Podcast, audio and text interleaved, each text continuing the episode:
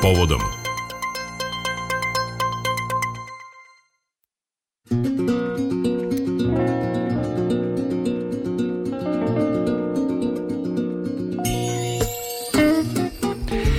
Radna grupa Ministarstva prosvete za prevenciju nasilja usaglasila je ključne mere i aktivnosti koje bi trebalo da unaprede sistem za reagovanje na nasilje u školama kao i za njegovu prevenciju.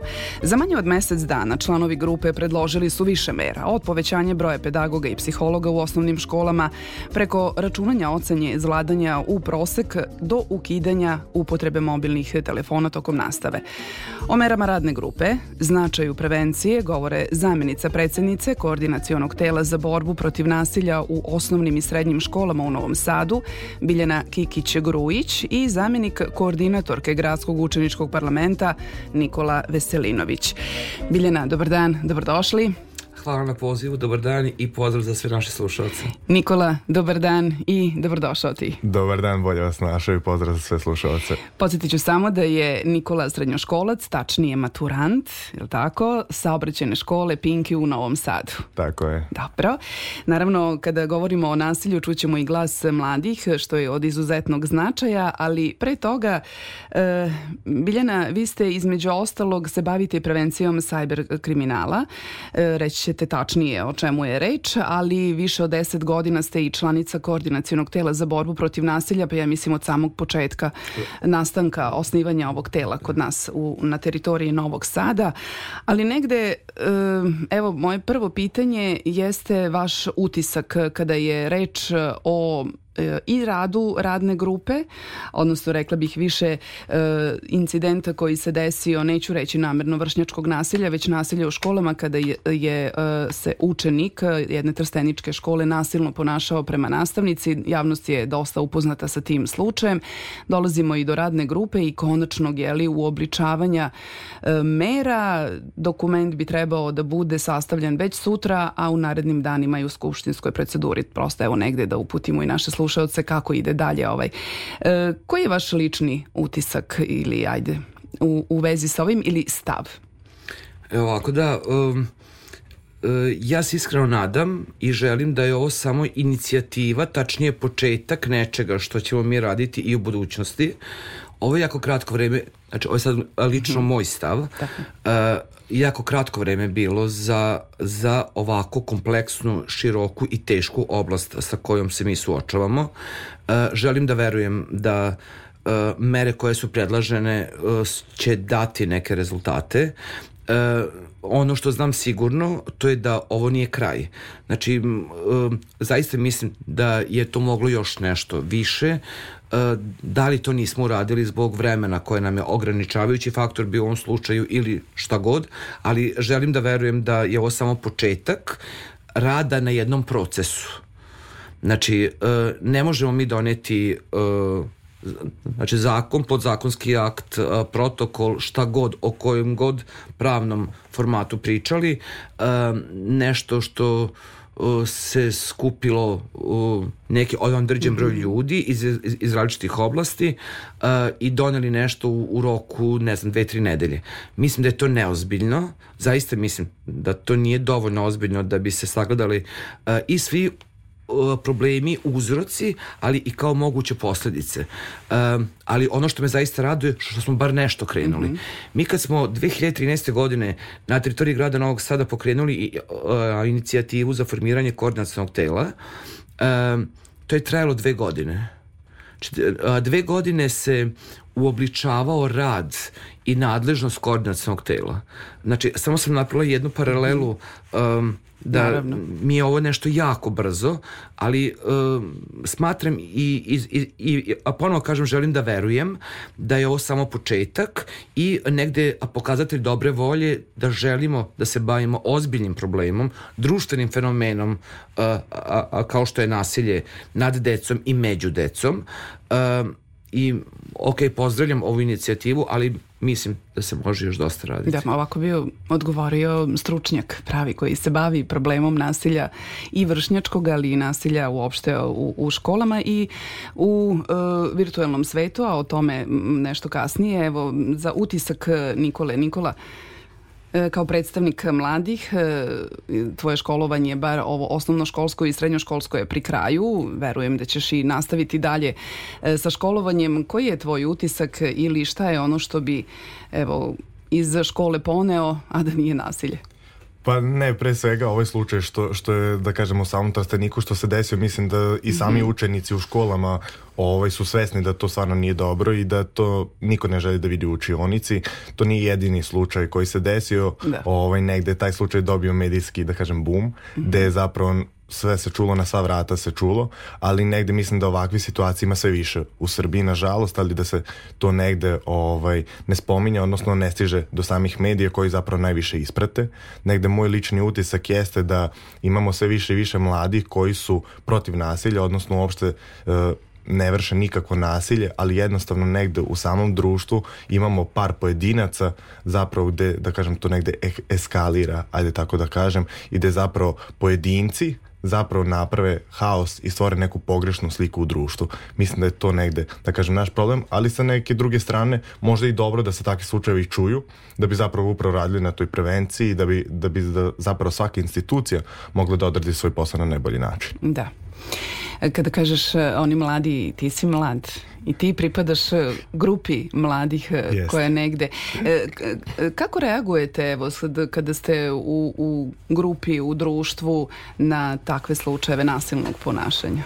Pa, nažalost, sada mnogi krenu odmah da snimaju i da to postoje na društvenoj mreže. Mislim da je to negde i najveći problem zapravo, ali ima i dalje, da kažem, nas mladih koji ćemo prići, pokušati da zaustavimo, da pitamo ovaj, šta je problem, da ih nekako razvojimo ako je opet došlo do nekog fizičkog nasilja, ali opet moramo da budemo svesni da nije negde samo nasilje problem.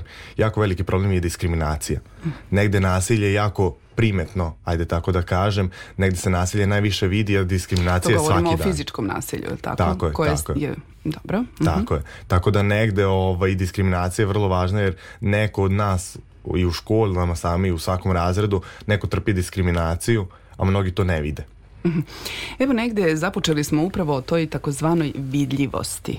Biljana, dakle, kada govorimo o nasilju kao fenomeni u društvenom, e, između ostalog istići ćemo da se nasilje desilo u školi, nasilje se desilo u porodici, ali negde i porodica i škola nisu izolovani, ili tako, e, fenomeni, odnosno društvene kategorije od samoga društva. E, nasilje je, kažemo, bilo i biće ga društvo kao pojedinci treba da ga smanjimo na najnižu meru. Međutim, šta je ono što je sada drugačije nego što je to bilo ranije? Uh, da, ja bi da li ga ima više? Uh, ja bih prvo na vaš prvi deo o, uh mhm. -huh. o vašeg izlaganja. Škola, uh, porodica, znači uh, četiri faktora uh, u, utiču na devijantno ponašanje, tačnije na um, na, na formiranje i odrastanje jednog mladog čoveka. To su porodica, škola, vršnjačke grupe i mediji.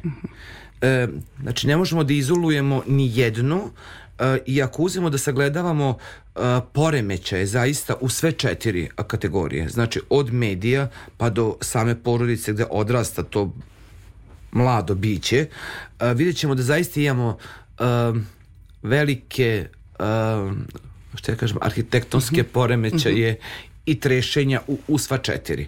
Uh, to je sa jedne strane. Znači, ne možemo da izdvojimo samo školu ili samo porodicu. Ono što uh, jeste problem što negde već godinama, od 2008. godine se ja lično bavim ovim problemom uh, i, i imam utisak da se negde nisam pomerila i to je negde e, lični hendikep da, da toliko posla, a toliko zaista rada i toliko rezultata koje, koje imamo, a da se kao društvo nismo pomerili bar jednu lestvicu gore. Ono što jeste i što negde samu sebe tešimo u smislu da možda ipak nisam u pravu jeste ovo sa vaš drugi deo, što vi kažete vidljivost.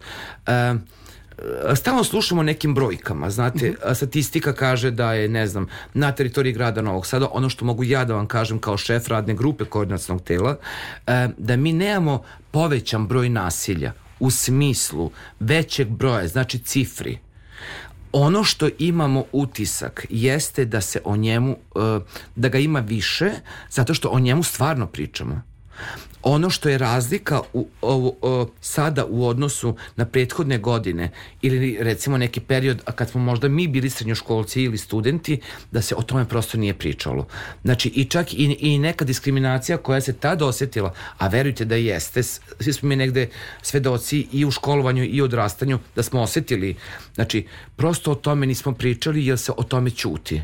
Ono što je dobro, što sad imamo slobodu da kažemo da se desilo to i to. Imamo medije koje zaista um, u svo dužno poštovanje uh, ja, ja kažem meni su mediji, meni lično su mediji desna ruka zato što uh, ako se ne čuje ono što radimo i ako ne možemo da stignemo u svaku kuću, svako domaćinstvo, svaku školu, svaku opštinu, uh, preko medija možemo. Znači možemo da neku poruku, tačnije možemo da kažemo tu smo Ako imate problem, prijavite ga, o tome se ne ćuti zbog toga, toga i toga. Znači, mediji kao jedan od bitnih faktora odrastanja mladog čoveka danas, um, ajte da gledamo sa pozitivne strane. Mm -hmm. Sa druge strane, ja ne ulazim u medije, niti u svo dužno poštovanje mogu da kažem za njih da su mediji, to su one senzacije, naslovi, krv i sve ostalo. Mislim da nam to ne treba, ali ono što zajedno oni doprinose jeste da više slušamo, više a, a, više imamo uvid da se tamo negde nešto dešava, da imamo nasilje u našem društvu, znači bez obzira da li pričamo o nasilju nad decom, među decom, u stranu, ovaj, sa strane dece ka odraslima ili obrnuto, znači odrasli ka deci, znači imamo a, informaciju, saznanje da se to tamo nešto dešava. A, tako da bih ja zaista medije ovaj, jako ozbiljno shvatila i što je Nikola rekao da se da a, medije su preneli, znači možda mi ne bismo ni znali za ovaj slučaj, kao što verovatno nismo znali da. za Znači za ih slučajeva. E sada, gde je granica ta izveštavanja, načina kako se izveštava, to je sad već nešto drugo to sad već, već je druga tema, znači način i te neki uh, kodeksi i novinarski i moralni i ljudski i kako god hoćemo, znači prosto negde tu granicu moramo da postavimo. Uh, o, ono što je, znači odgovor na vaše pitanje uh, da nasilja ima, nasilja je bilo i nasilja će biti, prosto kao društveni fenomen. Ono što mogu da kažem za grad Novi Sad, da već uh, godinama radna grupa koordinacionog tela obilazi sve škole, če razgovaramo sa svim direktorima, sa svim uh, službama, psihološko-pedagoškim službama, sa predstavnicima roditelja, sa, uh, sa đacima na teme koje su problem u tim školama. Ono što je definitivno jeste problem, to je uh, uh, način kako mladi doživljavaju neke oblike znači društvenog da. ponašanja i uh, pogrešna koncepcija da što je i rekao mladi kolega da da se snima da je jako puno posmatrača, odnosno dece koja neće prići da zaustave nešto, neće prići da prekinu uh, neki izvor nasilja ili čak neće ni prijaviti da imaju saznanja da se nešto dešava u njihovoj školi, u njihovom okruženju. E to sad već neki drugi e, problemi. to dolazimo kojima... do o, o drugog problema, možda i drugog pitanja koje e, ću postaviti, a to je takozvana empatija. E, Nikola, Kakav odnos imate prema tome? E, evo Biljana je spomenula između ostalog da je nasilje na određenom nivou konstantno, da je vidljivije. Kada su mediji u pitanju, Biljana, verujem da ste i socijalne mreže takođe stavili u tu kategoriju, jer ono je samo poprimilo ili neki novi oblik nasilja je dobilo. E, socijalne mreže u, u stvari oslikavaju stvarni da. svet. Da. Znači, to je ono što ja pokušam, ja kao neko ko se bavi prevencijom devijantnog ponašanja i negde sam fokusirana na, na internet i te negde cyber prostor. Um, ne sviđa mi se kad neko kaže stvarni i virtualni svet. Mm -hmm, mm -hmm. Negde ta granica više ne postoji. Znači, prosto od same komunikacije, plaćanja, poslovanja, sve nam se seli u taj negde virtualni svet, pa samim tim i ta neka devijantna ponašanja koja postoje u, u stvarnom svetu. Ono što jeste razlika, što u odnosu na stvarni svet, u virtualnom svetu mnogo brže informacija se proširi, mnogo je vidljivija šta god to bilo u pitanju, da li pričamo o nekom marketinškom proizvodu ili o nekom a, da. kampanji ili pričamo o nekom nasilju koji se desilo negde je mnogo vidljivije i mnogo brži protok informacija. Znači, ne bi ja tu razdvajala stvarni i virtualni, ono što jeste definitivno tako da nam mladi prelaze u taj virtualni svet, njihov život prelazi u virtualni svet, što opet moramo razumeti da živimo uh, vek gde uh, je internet dostupan u svakom, bukvalno svakom domaćinstvu, na svakom ćošku u, u svetu. Um, negde je virtualni svet postao prirodno okruženje mladih.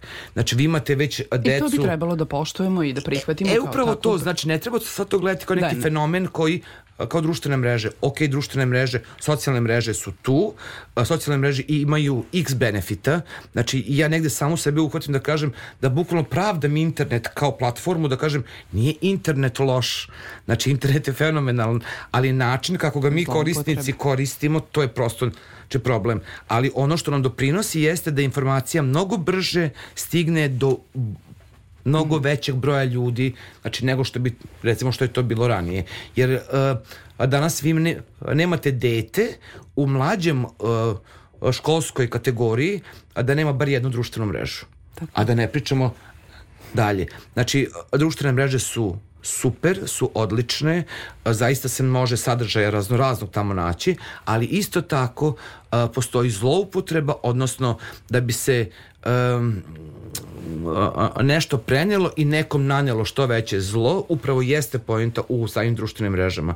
Kada se dvoje posvađaju, evo recimo najbanalniji primer na ulici, to će čuti samo par ljudi koji su u, u tom prolazu, mislim u tom da. trenutku tu, kada se to snimi i okači na bilo koju društvenu mrežu, socijalnu mrežu, će vidjeti mnogo veći broj ljudi. E sada, empatija a, da, a, koju ste vi ovaj, spomenuli jeste u uh, cyber prostoru mnogo vidljivija, tačnije nedostatak empatije je vidljiviji.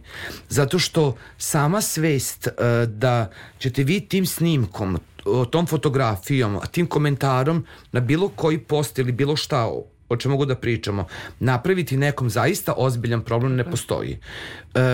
Ono što je zabrinjavajuće, što je sve veći broj mladi, ja kažem dece i mladih, vrlo svesno ulazi u, u to nešto da bi upravo napravio problem. Znači ne, nisam znao ili nisam hteo, nego da, znam, da, hoću i hoću da lajkujem to, hoću da šerujem to, da bi se evo, toj nekoj grupi ili pojedinci napravili veći tako, problem. Tako, evo čućemo e, Nikolu. Nikola, kada pogledaš sadržaj e, nasilne prirode, šta prvo uradiš? Kako reaguje evo ti, tvoje društvo, okolina? Pa da li dobro, ima empatije među vama? Ja lično, da kažem, imam empatije kada vidim tako neke situacije, mm -hmm. iako možda se na snimku nalaze mladi ljudi koji su u nekom prekršaju ili rade neko nasilje, stvarno ne mogu da se osjećam nikako prijatno ovaj, bude mi žao, odnosno imam empatiju prema i toj drugoj osobi i slično ono što je Biljana spomenula društvene mreže jesu, da kažem možda negde sklonila malo te empatije, opet sa druge strane imam možda negde više empatije ovaj, prema samim društvenim mrežama, kada vidimo uh, samo nasilje ili bilo šta slično kada se pojavi bilo kakav video snimak, ali sa druge strane ja mislim da se negde kod nas u društvu lično izgubio sistem vrednosti. Mislim da je to jako važno i da pođemo nekako od toga da je nama negde sam sistem vrednosti otišao malo u neku krivu stranu, zalutu neku uličicu, ali nažalost to tako i da negde zapravo ovaj, ni sami roditelji nisu toga svesni ako pođemo od roditelja, ovaj, pa se onda spuštamo na mlade, na decu i to je negde, da kažem, kao društvo smo možda malo zakazali što se tiče te empatije. I sama korona je možda negde dovela do manjka empatije, ali opet niko nije mogao da utiče na samu pandemiju jednostavno. Dobro, opet verujem, mladi ste, novi svet je 21. vek, stvarat ćete neke nove vrednosti. Da li prijavite nasilje, bilo koji oblik nasilja? To, to je jako redko to je mm -hmm. jako redko i Biljana je spomenula da se nasilje vidi i da na ulici ako vidimo, primetimo, to će vidjeti 5-6 osoba u učionici, isto tako i ako se desi, ovo, evo, ja ću dati jedan lični primjer, da. neću navoditi, ali bilo je nasilje od strane učenika prema profesorki. Tako. Naravno, uvek ima i obrnuto što je Biljana rekla, ali je bila situacija gde profesorka se osjećala posramljeno, stidela se, nije smela ništa da kaže učenik. Učenik je strašno izvređao. I to je negde gde smo mi rekli posle toga rekli smo dosta, ovo stvarno ni mi ne želim da slušamo u učionici. to neko ponašanje mislim da, da je redko da se tako prijavljuje. Ima, da kažem, i dalje nas mladih koji ćemo prijaviti, koji ćemo uraditi, pokušati da uradimo nešto, doći do institucija, do psihološko-pedagoških službi, direktora i slično, neki od nas će stvarno pokušati na bilo kakav način da to uradi, ali je to, nažalost, što i Biljana rekla, jako redko. Sad imamo sve manje i manje mhm. prijavljivanje nasilja. E, e, baš zbog toga, e, što je Nikola rekao, znači, e, vaše pitanje da li to prijavljujemo. Mm -hmm. Evo, samo pogledajte broj uh, deljenja, šerovanja, da. ne, znači nekog sadržaja. I uh, bit će vam jasno uh, stepen empatije a koliko je u stvari nizak. Ako imate na jedno, jednom sadržaju koji je nasilnički ili eksplicitni sadržaj, kako mi to kažemo stručno, ako imate nekoliko desetina hiljada deljenja, znači, uh, ja sam to uzela, podelila vama ili bilo kome drugom, ali nisam uzela da prijavim. E sada, zbog čega ljudi ne prijavljuju? Um, uglavnom je to strah. Znate, u, najvećem, u najvećoj meri je to strah. Da se sad taj nasilnik koji je to napravio znači ne okrene meni. Mi smo to videli tokom rada koordinacionog tela i upravo zbog toga i formirali, odnosno osnovali ovaj SOS telefon koji je dostupan 24 sata za u, Znači, ciljna grupa nam je bila primarna deca, odnosno učenici srednjih i osnovnih škola na teritoriji grada Novog Sada. Da nasilje, svaki oblik nasilja. Da prijave nasilje, njihovi roditelji, ali i zaposleni u školi. I, i znači ja zaista bih iskoristila, ako dozvoljavate, kako da ne. i, i a, sada znači 064, znači 8448, znači 800, je broj koji je dostupan 24 sata za sve naše sugrađane da prijave bilo kakvu sumnju ili saznanje da se vrši neki oblik nasilja i zlostavljanja. To uh, važi i za znači, naše učenike koji tako nešto vide, ne žele iz raznoraznih da. razloga da se umešaju direktno u taj neki sukob. Znači možete prijaviti anonimno, pa ćemo onda mi već da sprovodimo mere u naše nadležnosti. Negde što mi je kao pitanje postavljeno između ostalog jeste i to da je reč o maloletnicima koji, o kojima evo sad govorimo, znači to su školskog uzrasta deca, e, o maloletnicima sa jedne strane koji u, evo Nikola spomenuo si način na koji se ponaša u samoj učionici. Da li biljo mislite da je ova vrsta ponašanja između ostalog i poziv u pomoć? Pa vidite, Često govorimo o posledicama takvog ponašanja, ali negde postavljam pitanje da li e, dete koje se tako ponaša negde poziva u pomoć da se sa njim mnogo više treba raditi? E, nasilje je virus. Uh mhm. -huh. Znate, koji uglavnom dobijate, uglavnom, kažem, da sad da ne budem ovi isključivo, uglavnom nosimo od kuće.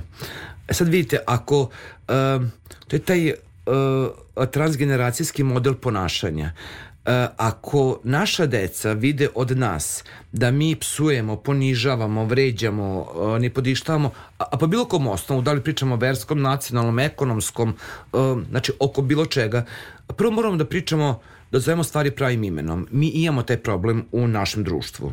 Znači, prvo moramo da to shvatimo.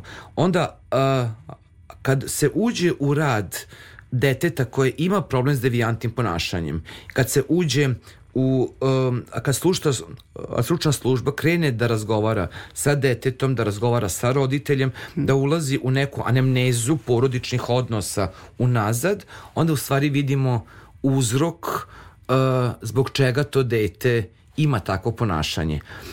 Sa jedne strane mi imamo decu koja to uh, prenose, odnosno to je model po modelu, znači da li se tako neko u njegovoj porodici uh, ponaša, pa je to prosto dete preuzelo, ali s druge strane je to zaista vapaj uh, i cimanje, što ja kažem za rukav, uh, nas odraslih profesionalaca koji rade sa tom kategorijom stanovništva, znači deca i mladih, da mu se nešto dešava.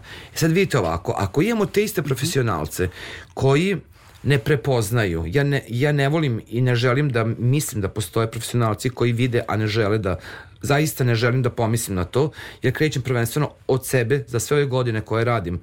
E, znači na ovom problemu, ako imamo dete koje ima već neke početke devijantnog ponašanja, koje se mora ogledati već u vrtiću, tačnije predškolskom uzrastu. Znači, neki oblik poremećaja on mora imati. Da li je to griženje, da li je čupanje, da li je guranje, da li je... Znači, nešto se mora detektovati. Ako imamo roditelja koji dođe na insistiranje psihologa ili vaspitača ili znači bilo koga iz ustanove i on kaže pa šta kao i treba da se nauči da se brani onda ćemo mi to isto dete koja sad ima pet godina i samo možda otima igračkicu drugu imati za par godina dete koje će tu igračkicu da zameni nekim drugim hladnim ili vatrenim oružjem. Znači, ne želim da plašim naše slušalce, ali ono što zaista, što moramo da sagledamo stvari uh, pravim očima i da izovemo pravim imenima. Da imamo roditelje koji su negde prezaštićeni u odnosu na svoju decu, koji ne vide problem kad ih zove vaspitač ili a sutra učitelj, pa nastavnik, pa posle profesor, da da porazgovaraju, da postoje neki problemi u ponašanju kod deteta ili pak imamo institucije koje vide ili primete to nešto, ali se prosto ne bave tim. Zato vam kažem, a problem koji se bavimo danas je vrlo kompleksan. Znači, mm -hmm. i možemo ga sagledavati iz, iz nekoliko... Iz uglova, znači, i, i, i, a ne želim da nas bilo ko pogrešno shvati. Znači, ni roditelji, ni stručne službe, ni prosvetni radnici, ni struka. Znači, samo da stvari zovemo pravim imenom. Devijantno ponašanje a, se pokazuje od onog eskaliranja kad eskalira je sigurno imalo u, u, u nekoliko navrata, pa da ne kažem nekoliko godina iza, je imalo neke neke varnice. E sad, to da li mi želimo ili ne želimo, da li znamo ili ne znamo da prepoznamo, o sad, sad govorim za, za struku, da prepoznamo te oblike ponašanja, pa da reagujemo, opet zbog čega ne reagujemo, da li, znači to je sad već sve, znači ulazi jedno u, u drugo, ali uh, ono što, da se vratim Znači, na vaše pitanje, um, ono što imamo problem, to su poremeće vrednosti, kao što rekao Nikola, to je propuštanje postupanja od strane roditelja, to je propuštanje postupanja od strane nekih institucija i nekih službi koje bi trebalo da se da. bavi ovim i onda imamo proizvod recimo taj što snimi, ne znam, kao u Trsteniku ili... I onda dobijemo, da. Znači bilo koji slučaj, znate, mi, mi, mi sad pričamo o Trsteniku, ali toga imamo svaki dan u manjem ili većem obliku, ali, ali se to prosto, e sada je samo pitanje da li ćemo ga prepoznati ili ga nećemo prepoznati. Znači, ali, ali to zaista postoji i ono što zaista imamo problem, kao što je i rekao mladi kolega, jeste diskriminacija. Vi sad, ako, ako izađemo na ulicu da pitamo polovinu naših sugrađana šta je diskriminacija, pa, mislim, ne verujem da će znati odgovor ovaj, da vam kaže. I pritom je vršimo svaki dan, svakodnevno, svesno ili nesvesno. I evo za kraj po jedno pitanje, Nikola, koliko vršnjačka edukacija može da pomogne? Pa vršnjačka edukacija mislim da je negde i zapravo cilj, moramo da pazimo, ja ću se samo malo nadovezati ovaj, na Biljanu, mm -hmm. uh, osoba koja vrši nasilje, sa njom moramo još više da radimo nego sa osobom koja, koja je zapravo trpela nasilje i to je, ja mislim, negde ključ našeg društva gde nismo svesni, uvek malo se više, da kažem, preusmerimo pažnju na osobu koja je trpela nasilje. Ne kažem da trebamo da je zapostavimo nikako, ali osoba koja je vršila nasilje, mislim da sa njom moramo još više da radimo da bi zapravo negde ovaj, dobili tu osobu negde, da sagledamo njen problem zašto, zbog čega i da vidimo na kraju ovaj, da ta osoba, da kažem, izađe normalna, ajde tako da se mhm. izrazim, ovaj, bez ikakvih daljih problema. Ali vršnjačka edukacija je broj jedan, mislim da se mi vršnjaci prvi obraćamo jedni drugima, nećemo se obratiti roditeljima, nećemo se obratiti tako. baki, detki, profesoru, imamo psihološke pedagoške, pedagoške službe, ali redko ko odlazi u njih da prijavljuje problem, ovaj, ne kažem da nema, ali opet sa druge strane uh, vršnjačka edukacija, odnosno taj neki ključ prijavljivanja jeste opet kod samih vršnjaka. Uh -huh. uh, a Nikola je inače i član uh, koordinacionog tela za sprečavanje nasilja na teritoriji grada Novog Sada i mi smo zaista negde prepoznali da nam je potrebno da predstavnik mladih bude sa nama i da nam kaže iz njihovog ugla, jedan je ugao koji gledamo mi odrasli, a drugi ugao problema je a koji gledaju mladi, tako da mi zaista drago što smo negde i to uveli prvi u Srbiji, ja to zaista moram da kažem, pošto sam jako ponosan na naš rad, prvi u, u Srbiji i ono što je nam je u, u sledećoj godini, tačin 23. jeste upravo vršnjačka edukacija da će onda predstavnici školskih parlamenta da u okviru svojih škola prenose informacije, saznanje i sve ostalo što budemo radili sa njima. Nedavno je konstituisan gradski đački parlament, je li tako? I tako je. koji je slogan ili šta je ono što je u 2023. evo Biljana je napomenula, koju promenu e, vidite u 2023. Negde šta mladi poručuju? Samu sednicu smo imali ovaj, pre par dana za Svetog mm -hmm. Nikolu upravo i negde kao, kao što smo i naveli da su mladi pokretači društva i pokretači promena, to zapravo i jeste tako i negde svi ljudi u institucijama, mislim da treba toga da budu svesni, koordinacijono telo, kao što je Biljana rekla, jeste prvo u Srbiji i prvi su ovaj, 3. marta 2021. godine zapravo uveli da zapravo postoji gradski učenički parlament koji okuplja dva uh, predstavnika osnovnih i srednjih škola i mi ove godine možemo da se tako da kažem pohvalimo da imamo preko 100 parlamentaraca iz svih škola na teritoriji Novog Sada. Tako da je to veliki uspeh uspeh, da kažem, ovaj, i za Novi Sad, i za škole u Novom Sadu, i za učenike, i za te parlamentarce, jer stvarno mislimo da možemo da promenimo. Negde smo na samoj sednici se bazirali i na samo nasilje, na temu nasilja, da. zato što smo svesni, ovaj, kao što smo do sada i pričali, da je negde povećano, odnosno da je, da je više prikazano mm -hmm. u mhm. samim medijima i da negde mi sami pratimo Divno. sve to. Pratit ćemo vas, Nikola, svakako i verujem da nećete izgubiti motivaciju kada je reč o ovim temama. I mi se isto nadamo danima i o radu. Bilo polako vremena više nemamo, ja ću odmah da kažem, ali slušalci su rekli da ukoliko možete da ponovite još jednom broj Naravno. SOS telefona. 064 onda 844 8800. Da. Telefon je dostupan za sve naše sugrađane da prijave bilo kakvu sumnju ili oblik nasilja uh, nad decom i među decom u našim školama, da bi eto, bar i na ovaj način pokušali da ostvarimo što bezbednije okruženje za našu decu u našem gradu. I verujem da će i koordinaciono telo za borbu protiv nasilja i dalje raditi ovim tempom. Naravno, i još jače. I još jače. Ja vam zahvaljujem što ste bili gosti Radio Novog Sada.